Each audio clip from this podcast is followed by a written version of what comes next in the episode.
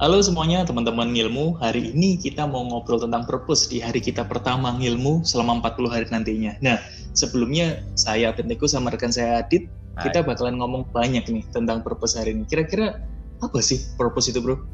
Ini pertanyaan yang sulit nih, karena mungkin saya sendiri juga belum tahu kali tujuan hidup saya apa. Wah. Tapi uh, gini deh, saya tuh sering seringnya tuh pikir kayak gini loh bro kayak kenapa sih kita kayak hidup itu uh, uh, dipaksa untuk satu masuk ke satu pola tertentu gitu ya. Maksudnya? Uh, jadi kayak gini deh, kita kan Nah, punya anak. Burabet itu kan nanti punya hmm. anak udah tahu nih kayak umur berapa harus masuk sekolah. Habis itu saat dia sekolah dia harus ngapain. Lalu umur berapa masuk sekolah yang lebih tinggi lagi, kuliah, dan hmm. kerja mungkin uh, menikah, punya anak, kayak raya meninggal gitu. Nah, ya kan? Semuanya itu kan uh, polanya tuh seperti itu gitu kan. Ada beberapa pola yang kayak oh saya kalau misalnya mau bisnis harus belajar orang ikut orang dulu dan lain sebagainya gitu ya kalau kita ngomong di marketplace. Uh, tapi sebenarnya emang harus kayak gitu ya. Kadang-kadang uh, akhirnya kita tanpa sadar mereduksi itu sebenarnya kesadaran kita tentang tujuan hidup kita itu mau ngapain uh, selama fase-fase atau pola-pola itu kita ikutin ya udah itu fine fine aja buat kita Nah, di situ yang membuat saya kayak berpikir, uh, masa kayak gitu sih, gitu kan? Masa saya hidup ke dunia ini nggak ada uh, misinya, nggak ada uh, tugas khusus lah, gitu. Ibarat kata gitu ya, kenapa saya hidup. Masa kita ini hidup hanya untuk bertahan hidup? Uh, saya pikir itu agak aneh, ya nggak sih, Iya, masuk akal sih. Bener, bener, bener. Soalnya agak jauh tuh. Eh, kalau menurut Bro Abed apa? Purpose Bro Abed apa? Bisa udah tahu nggak sih? Uh, kalau purpose saya apa? Oh, saya ngeblank ya. ya, kali mungkin kita kayak gitu ya. Begitu ditanyain, ngeblank gitu ya. Waktu pas kita... Purpose-nya apa? Misalnya saya kalau misalnya wawancara banyak fresh graduate nih gitu kan, saya, saya tanyain kayak, uh, Oke, okay, ini pertanyaan klasik nih ya. Uh, di mana kamu melihat diri kamu lima tahun lagi, 10 tahun lagi, kayak gitu. Saya menemukan mereka tuh sebenarnya baru menginvent atau baru menemukan jawabannya itu ketika saya tanya. Uh, hmm. Nah di situ saya kayak, tapi itu bukan salah mereka menurut saya ya. Maksudnya kalau mereka nggak bisa jawab itu saya juga akan minta wah orang ini nggak punya tujuan. Tapi kan emang kayak gitu kan, kita emang eh, nggak uh, pernah dilatih atau minim lah dilatih untuk itu karena kita kayak udah tahu nih ini saya udah SMP nanti kelas 3 saya ya kayak SMA gitu. Itu yeah, yeah. perlu mikir gitu kayak ya sudah ada aja. Dan kalau kuliah ya saya harus kerja. Ya oh, oh iya iya. Tapi kalau tujuan, ngapain kita udah tahu gitu maksudnya. Udah tahu gitu. Tapi kalau misalnya tujuan itu kan lebih kompleks ya. Maksudnya mm. kayak ya betul kamu akan masuk ke SMA ke kuliah jadi mahasiswa dan kerja tapi pas jadi mahasiswa, pas jadi karyawan, pas jadi pengusaha, pas jadi suami atau istri, itu ngapain? Hmm, karena nggak ada to-do listnya.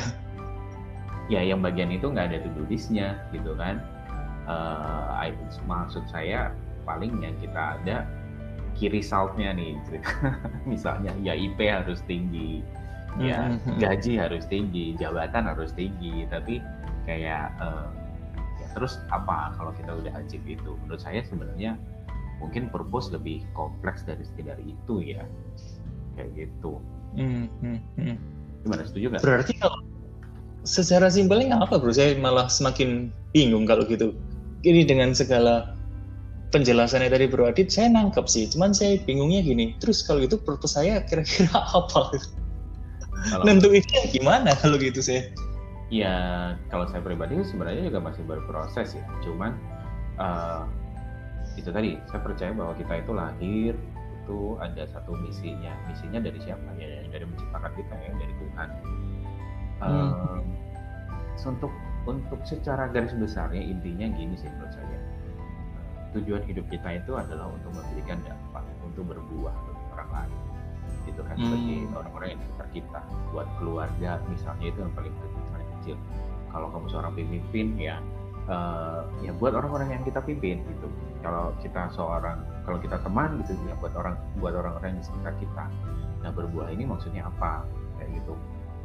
Uh, kita pasti lahir diberikan talenta, kita diberikan kesempatan mungkin dalam proses kehidupan kita belajar sesuatu, kenal siapa, dengar apa dan lain sebagainya. Saya percaya itu semua nggak ada yang kebetulan. Hmm. Itu semua adalah kayak aset yang dikasih Tuhan, termasuk kepribadian atau karakter kita loh. Itu termasuk oh, okay. itu aset. Jadi bagaimana kita sebenarnya bisa berprestasi di setiap apa pun yang kita lakukan.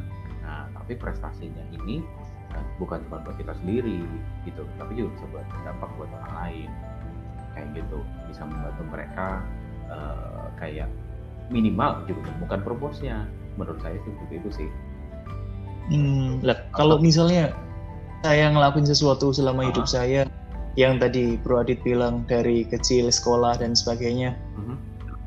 belum ngasih dampak buat orang lain berarti saya belum nemuin purpose saya dong kalau kayak gitu.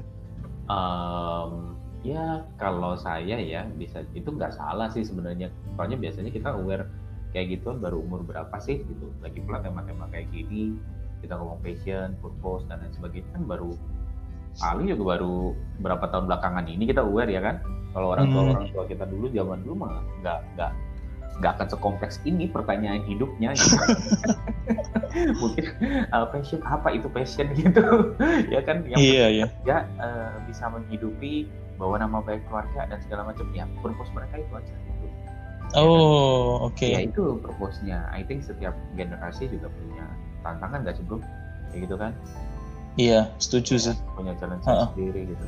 Tapi contoh nih kalau misalnya saya sekarang uh, uh, apa namanya sebagai sebagai pemilik bisnis gitu misalnya, saya pengen bisnis ini jadi berkat baik itu untuk tim yang saya pimpin di dalam tapi juga buat mitra-mitra saya di luar sana. Berarti yang paling kecil keluarga, setelah itu kalau misalnya katakanlah Bro Adit tadi bilang punya bisnis, mm-hmm. jadi berkat untuk mitra, terus tim di dalam. Mm-hmm. Kalau teman-teman yang mungkin sekarang kuliah, berarti untuk apa lingkungan di kampusnya gitu kali ya? Iya bisa atau uh, iya bisa, bisa aja. Pasti kan kita dikasih talenta oh. kan misalnya ada talenta hmm. hmm. ada teman-teman yang punya talenta untuk apa mungkin berbicara ada teman-teman yang punya talenta lebih ke managing dan lain sebagainya kayak gitu pada hmm. dengan itu mungkin yang membedakan purpose itu uh, adalah arahnya. So oh. arahnya itu keluar gitu mungkin keluar tuh artinya what's in it for everybody else gitu. Hmm, paham paham. Dan terus sekarang kita tahu tahunya gimana? Kalau oh ternyata ini purpose saya. Kalau gitu tadi Bro bilang ya orang ada yang dikasih talenta ngomong misalnya. Terus saya nih misalnya seringan hmm. ngomong gitu kan sama orang. Apakah saya kemudian oh ini purpose saya nih ngomong ini jadi purpose saya atau ternyata hmm. apa sih sebetulnya indikatornya yang kemudian kayak apa ya ngeklik gitu eh ini purposemu nih ada nggak sih sebetulnya kayak hmm. pemicu-pemicunya atau tahapan-tahapannya gitu bro? Ya kalau menurut saya sih uh, itu tadi ya sekali lagi itu kan talenta. Cuma nanti mm-hmm. itu akan spesifik.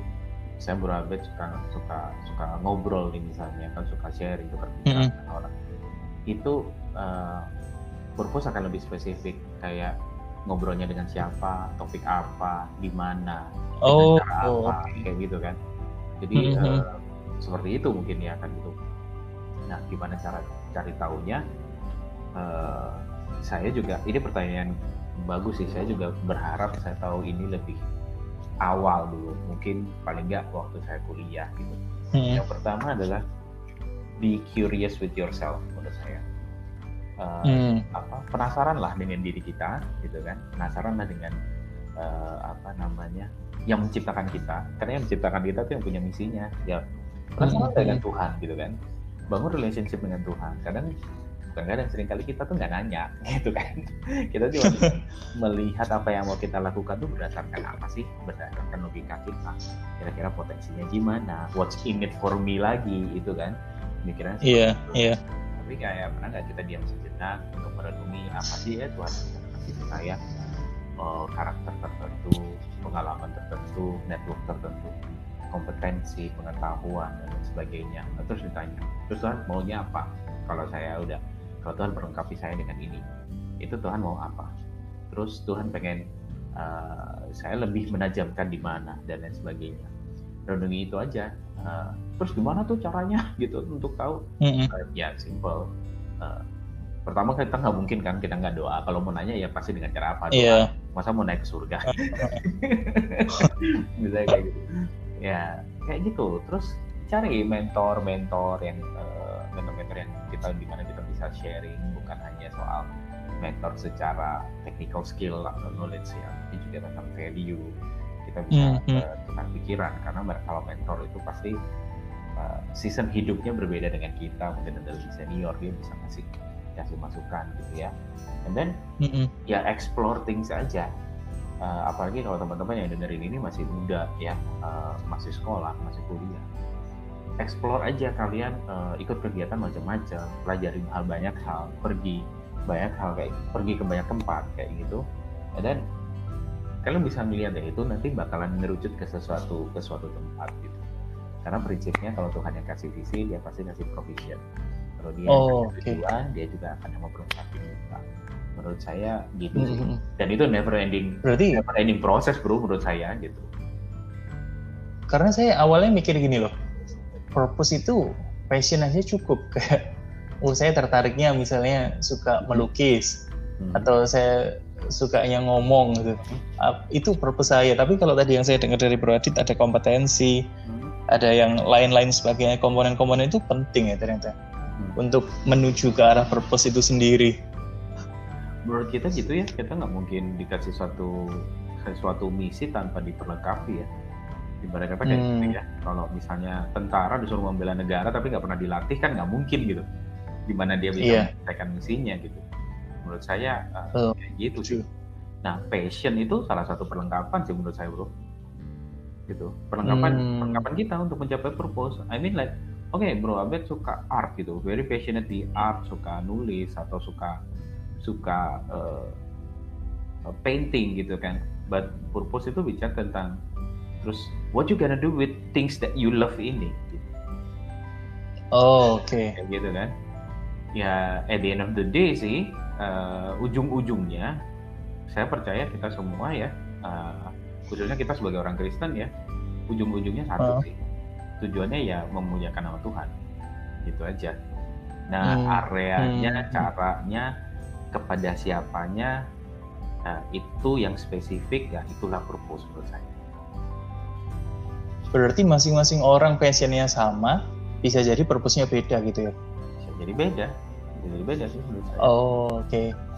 areanya nggak harus sama. Soalnya kan kadang-kadang saya mikir ya oh saya ini katakanlah seneng nih ngobrol sama orang ber, berjam-jam bahkan terus saya mikir oh mungkin purpose saya ini bakalan jadi diplomat nih one day.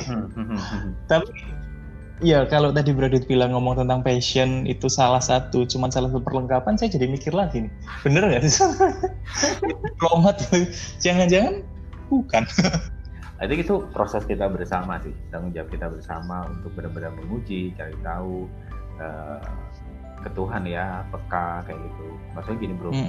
Bro Abed bilang oh bro itu suka apa namanya ngobrol sama orang dan lain sebagainya. Gitu kan. Nah uh, bro Abed dikasih kompetensi untuk itu tuh active listening gitu ya mendengarkan mm -hmm. merangkum insight dan segala mm -hmm. macam kayak gitu kan memahami nah tapi di part apa bisa jadi oh, oke okay akan tajam dengan passion ini, dengan kompetensi ini di topik-topik marketplace misalnya, hmm. gitu kan. Ada juga mungkin yang enggak ini di family, ini di mental health, ini di apa lagi di education, itu kan beda-beda. Oh, oke. Okay. Itu kan iya iya. itu harus dicari terus saya ya. setuju, setuju. Itu berarti harus terus terus dicari, dicari, dicari gitu ya? menurut saya atau, sih gitu atau sekali ya udah purpose saya ini selamanya ini gitu atau nanti seiring berjalannya usia bisa berubah kira-kira mungkin kalau secara garis besarnya sih nggak berubah ya. Ada satu satu field satu um, apa ya segmen lah kalau kita ngomong di marketplace itu mm -hmm. yang memang uh, kita dipanggil untuk ke sana. Cuman uh, along the way mungkin ada hal-hal yang uh, kecil-kecil yang bisa dinamis gitu. Tapi kecil hmm. seperti itu gitu. Jadi uh, mungkin beberapa orang bilang oh kita tuh harus fokus gitu kan. Ada yang bilang kita harus multitask kita bisa luas dan segala macam mungkin itu it depend it, it, it depend the person lagi lah kayak gitu.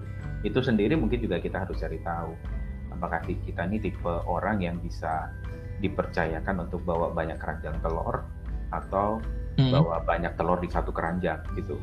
Itu juga kita harus kenal. Oh, oke. Okay. yes with yourself. Kalau misalnya kita memang kalau kita nggak pernah nyoba kan kita nggak pernah kenal diri kita sendiri juga kita oke-nya di mana Iya, waktu Brody tadi ngomong kayak gini, satu yang muncul dalam hati saya, saya diingetin tentang yang benar juga ya. Itu purpose bisa semakin berubah, berubah, berubah, tapi hmm. areanya ya kurang lebih di situ-situ aja. Saya, saya akhirnya kepikir kayak gini. Petrus dulu jadi penjala ikan, berubah jadi penjala manusia. Iya kan? Nah, tapi kalau di Petrus ada Kenapa kenapa? Yang mengalami kayak gitu. Selain Petrus, ada nggak orang-orang di dalam Alkitab tuh yang mengalami kayak ya semakin hari semakin hmm. didekatkan purpose-nya itu ada contohnya nggak sih bro? Ada sih. Kalau saya sih uh, paling paling ini ya uh, waktu bro Abed tanya gitu yang pop up pertama kali di kepala saya itu Musa.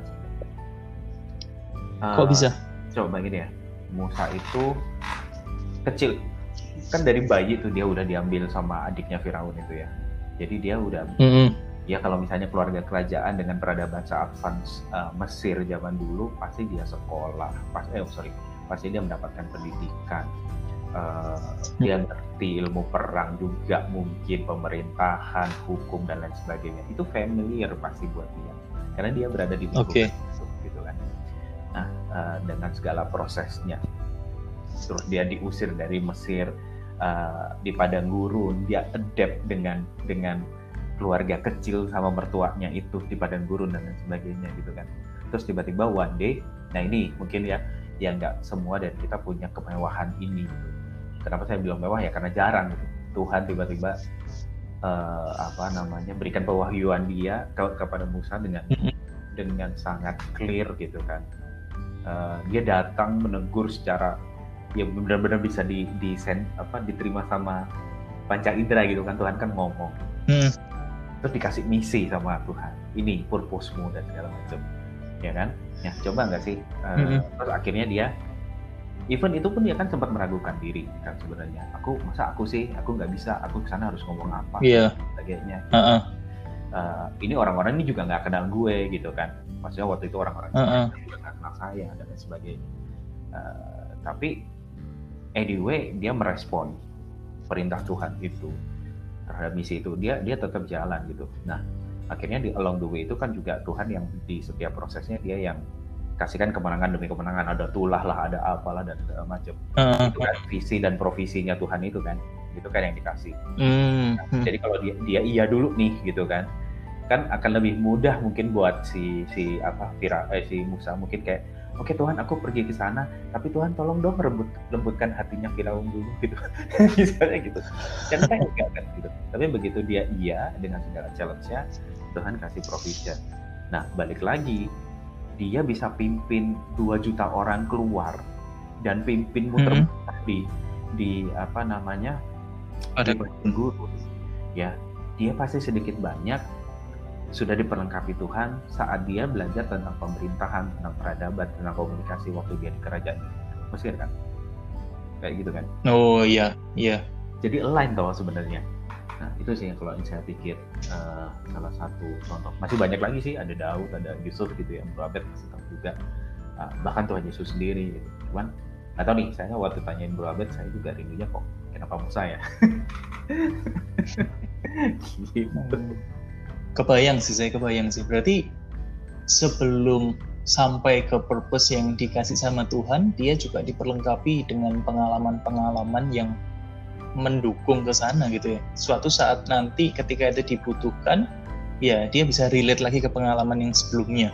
Iya oh oke okay, okay. itu juga di dalam Alkitab. Tapi kalau tapi Musa bisa aja kan mikir kayak terus terus ngapain gue dari dulu hidup dalam tatanan kerajaan Mesir diajarin ini itu dan mm -hmm. ternyata ujung-ujungnya gue harus gembalain uh, apa namanya domba aja nih uh, apa kayak gitu mm -hmm. ya kan akhirnya kalau saya kalau dia tidak tidak terlibat dalam pemerintahan apa apa kan dia mikir kayak gitu kan ya ternyata dipakai loh gitu. iya iya tapi dari yang tadi Pradit bilang gitu saya dapat something sih. Yang saya dapat tuh kayak gini. Dulu Musa diasuh sama keluarga kerajaan kemudian dapat pendidikan yang baik dan lain sebagainya dan seterusnya sampai satu waktu diusir. Mungkin ya mungkin. Kalau hmm. saya pribadi uh, nangkapnya mungkin saya sebagai manusia ini harus masuk ke apa ya kondisi kehidupan yang lebih sulit, lebih struggling, lebih challenging untuk akhirnya sebetulnya apa sih ya gitu kali ya. Kalau sebetulnya semuanya nyaman, enak, kayak semuanya ya berjalan sesuai dengan apa yang saya mau, mungkin saya juga nggak kepikiran purpose saya apa kali ya. Hmm, bisa jadi, tapi sebenarnya menurut saya tuh malah malah proses yang lebih berat, bro. Hmm. Kalau soalnya biasanya kan kalau kita di dalam sebuah di dalam uh, kesesakan gitu ya, maksudnya jalan hidup kita di bisnis dan segala macam, itu kan kita sering terpancing tuh untuk kayak mm -hmm. kenapa sih kemarin dikasih opportunity ini kok ternyata challenging kayak gitu kan. Gue pengen ini kok susah banget dan segala macam. Akhirnya kita pun ada awareness untuk tanya untuk refining uh, apa yang kita lakukan itu di marketplace tapi kalau misalnya udah lahir tanpa kesusahan dan segala macam kayak gitu kan semuanya hmm. cuma lah istilahnya orang Jawa gitu. Hmm. yang nggak ada yang ditanyain mungkin. Gitu. iya iya. Mungkin beberapa orang melakukan gitu ya. Kayak misalnya kalau kita ingat uh, Siddhartha Gautama juga kan lahir dalam kerajaan tapi dia ada satu kegelisahan itu gitu kan tapi ya hmm. uh, apa namanya itu salah satu contoh yang keren ya tapi apakah kita juga kalau misalnya di dalam segala kenikmatan atau ke ke apa ya kenyamanan itu willing untuk take risk itu gitu. itu hmm. lebih menurut saya sih sebenarnya setuju sih setuju. Karena kalau tadi bilang contohnya adalah apa? Musa yang harus masuk ke padang gurun sementara untuk adaptasi. Terus saya tadi sempat muncul dalam hati saya tentang Petrus.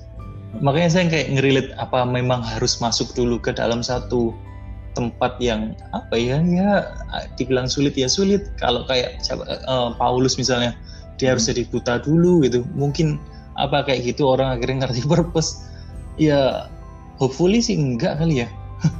Hopefully enggak ya uh, tapi mungkin itu apa mungkin itu salah satu cara cara Tuhan ya. Mm -mm, cara terbaik untuk kita yang kalau uh, Paulus buta hmm.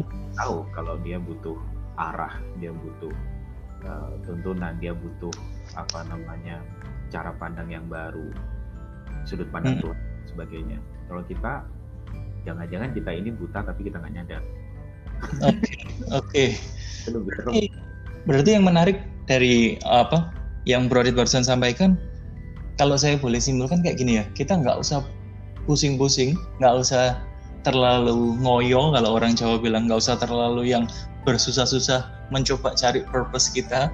Mau nggak mau justru purpose itu yang datang ke kita ya. Iya. Sadar purpose itu yang menghampiri kita. Tuhan itu kayak udahlah Tuhan itu sebegitu cintanya, sebegitu sayangnya, sebegitu nggak maunya kita keluar dari purpose. Tuhan mendatangkan purpose ke kita, tapi disiapkan dengan ya itu tadi hmm. perlengkapan perlengkapannya ada kompetensi ada pendidikan ada pengalaman itu yang akhirnya memperlengkapi saya sendiri sih mungkin nanti juga ketahuan oh purpose saya ternyata begini karena sekarang ini saya masih jujur saya masih ngeraba-ngeraba sih sebetulnya. Ini mau ke mana? Tuhan mau bawa apa? Di depan ada apa? Purpose ke depannya gimana? Kalau tadi dibilang Musa yang kemudian diperintahkan Tuhan kamu bawa keluar bangsa Israel itu buat saya menyenangkan sih kalau saya bisa ngobrol sama Tuhan kayak begitu. Saya pengen gitu. Iya kita uh, makanya tadi saya sebut sebuah kemewahan gitu ya. Iya bisa sebulan itu I think hidup kita bakalan sangat mudah tapi mm -hmm. yang bilang uh, Tuhan tuh udah kasih tahu cuman mungkin kita nggak ngeliat nggak dengar karena kita terlalu sibuk dengan pikiran tujuan kita pribadi Hmm, hmm. kita miss padahal udah mulai kasih tahu jadi good point lah coba kalau misalnya kita renungkan gitu ya sekarang eh, apa aja sih sebenarnya yang Tuhan sudah berkati dalam kehidupan kita dan itu buat apa Gitu. ditanya ya jangan ditebak Ini berarti termasuk sama apa ya istilahnya problema dalam hidup pengalaman-pengalaman pahit itu juga mendukung ke arah purpose berarti ya kalau kayak gitu. menurut saya gitu Waduh, Ya, maksudnya gini deh juga. ya. minimal gini deh minimal kayak misalnya kita lahir dari keluarga yang broken home gitu kan kita tahu apa yang menjadi menjadi eh, kesulitannya challenge-nya deritanya jadi anak broken home gitu. Eh, pasti kita waktu pas oh gue gede gue nggak mau dah eh, keluarga gue kayak gitu gitu. Maksudnya keluarga kayak orang tua aku misalnya broken kasihan anaknya. Itu one thing. Terus yang kedua apa? Bisa jadi loh Tuhan juga panggil kayak eh, oh kamu kan pernah mengalami itu. Terus Mm-mm. yuk do, siap- do something supaya lebih banyak keluarga nggak broken misalnya gitu. Mm, mm-mm. Purpose ya gitu dari dari kes, dari dari proses yang gak enak yang udah pernah kita alami itu Oh, menarik sih. Benar juga ya. Karena kadang-kadang, ya saya sendiri pernah merasakan hal yang nggak baik dalam kehidupan saya dulu kayak, lah Tuhan nggak salah apa naruh saya di keluarga yang kayak begini. Tuhan nggak salah apa ngasih saya yang begini. Kayaknya kok mendingan saya jadi anaknya di keluarga yang itu. Saya dulu pernah mikir kayak gitu sih. sama saya juga gitu Oke, oke. Berarti ternyata pengalaman mau baik mau buruk itu memperlengkapi terus eh, kompetensi-kompetensi, passion dari salah satu yang memperlengkapi. Menarik sih. Berarti saya habis ini harus mengumpulkan lebih lagi tentang purpose hidup saya apa. Saya mau merenung. So ini benar-benar insight baru sih buat saya. Thank you Bro Adit. Ini ilmu di hari yang pertama ini eh, apa ya meaningful banget sih. Saya baru pertama kalinya ngilmu di hari yang pertama terus ngomong tentang purpose saya dapat banyak insight tentang oh saya awalnya mikir ya passion itu cuma satu-satunya aspek untuk sampai ke purpose tapi ternyata ada banyak yang lain. So ini memberkati saya banget sih omongan-omongan kayak ini. Saya juga berharap obrolan kita juga jadi berkat buat teman-teman yang dengerin podcast sih.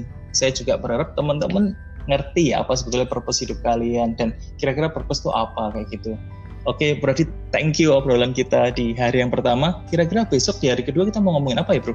Eh, kita mau ngomongin soal kita kan tadi ngomong purpose kan kita mau tentang sukses Oke, menarik nih sukses. Menurut uh, nilai-nilai yang benar tentunya. Benar itu belum tentu menurut teman-teman, wah ini sok tahu dan sebagainya. Mungkin gitu kali ya. Tapi apa yang kita pegang gitu kali ya. betul mungkin itu yang perlu saya sampaikan juga kayak eh, kita di sini sharing gitu kan. Itu adalah pikiran kita berdua kami berdua nih di ilmu. Kalau teman-teman eh, saya yakin lah proses teman-teman juga macam-macam. Mm-mm. punya sudut pandang eh, dan pendapat yang berbeda dari kita.